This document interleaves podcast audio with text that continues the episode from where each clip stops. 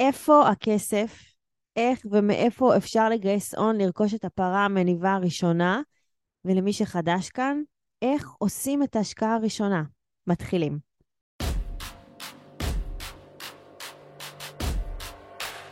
ברוכים הבאים למדברים השקעות עם עמית ואגר.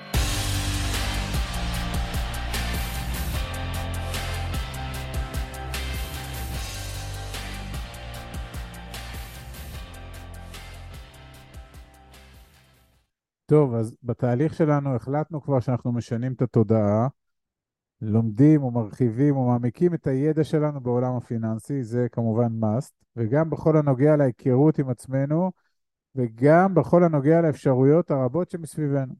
איפה זה פוגש את המציאות, איפה נמצא את הכסף שייצור לנו הכנסות פסיביות. קודם כל נגיד, אם זה לא היה ברור, שיצירת הכנסה פסיבית כרוכה במאמץ אקטיבי, לפחות בשלב ביסוס התשתית שלנו. אנחנו צריכים להשקיע זמן בלמידה, בחשיבה, בתכנון ובבחינת האפשרויות העומדות לרשותנו.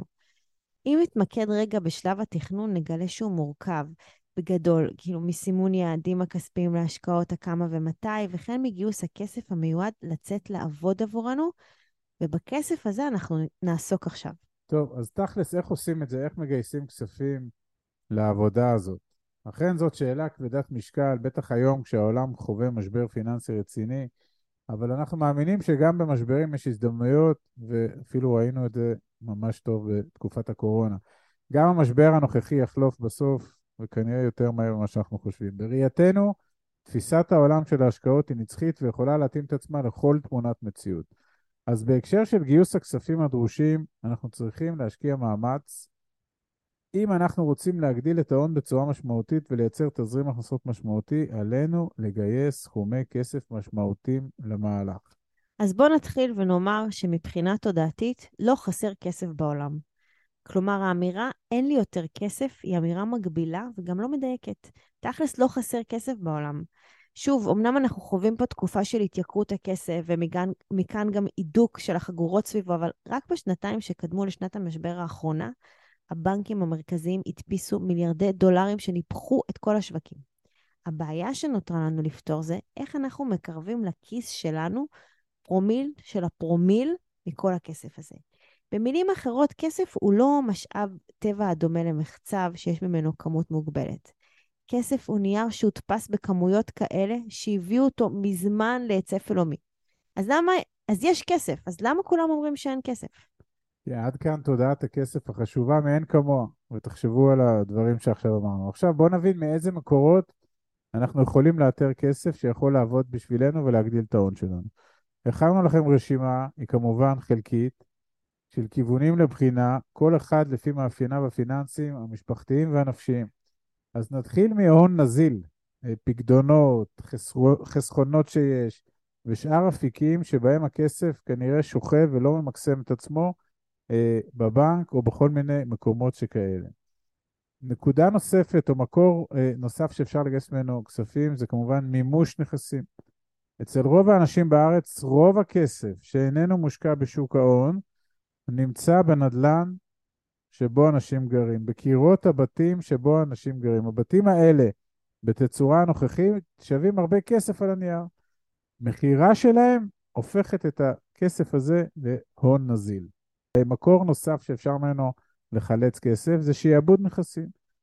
לא חייבים למכור את הנכסים שבהם אנחנו גרים, אפשר גם באופן עקרוני, עקרוני למנף 50 עד 60 אחוז משווי נכסי הנדל"ן שלנו לתצורה של הלוואה לכל מטרה. אפשר גם למנף מכשירים פיננסיים שנסחרים בשוק ההון, כדוגמת פוליסת חיסכון, קרן השתלמות, קופת גמל להשקעה, כמובן שצריך לבדוק את התנאים של אותן הלוואות, ובעת הנוכחית הריביות קצת עלו, אבל זה עדיין יכול להיות אפיק אטרקטיבי לגיוס כספים להשקעות בהלוואה, בבלון מלא או בבלון חלקי. אפשר גם לבדוק מינוף כספי פנסיה, שזה משהו שהוא פחות מומלץ לטעמנו. אפשר לקחת הלוואות מבני משפחה וחברים.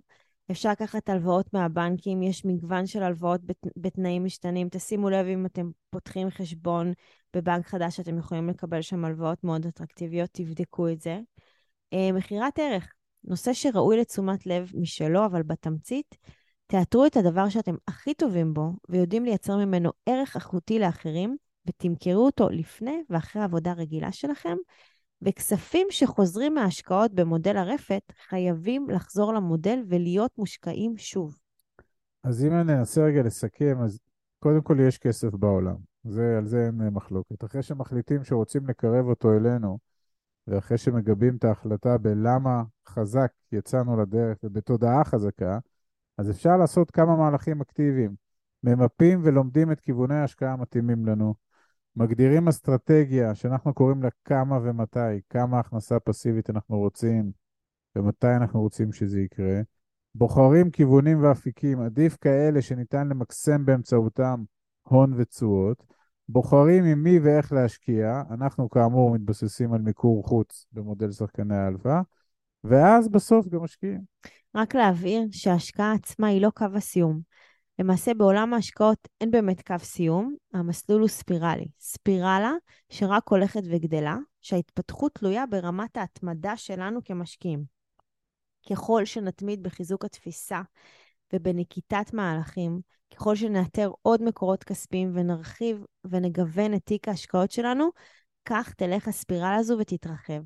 זו ספירלה שדורשת סבלנות ומאמץ, מאמץ מוגבל, מינימלי, שישתלם גם תוך כדי הדרך וגם בקצה של כל אחד מהשלבים שנבחר בהם במסגרת הזו. בהצלחה, חברים. תודה.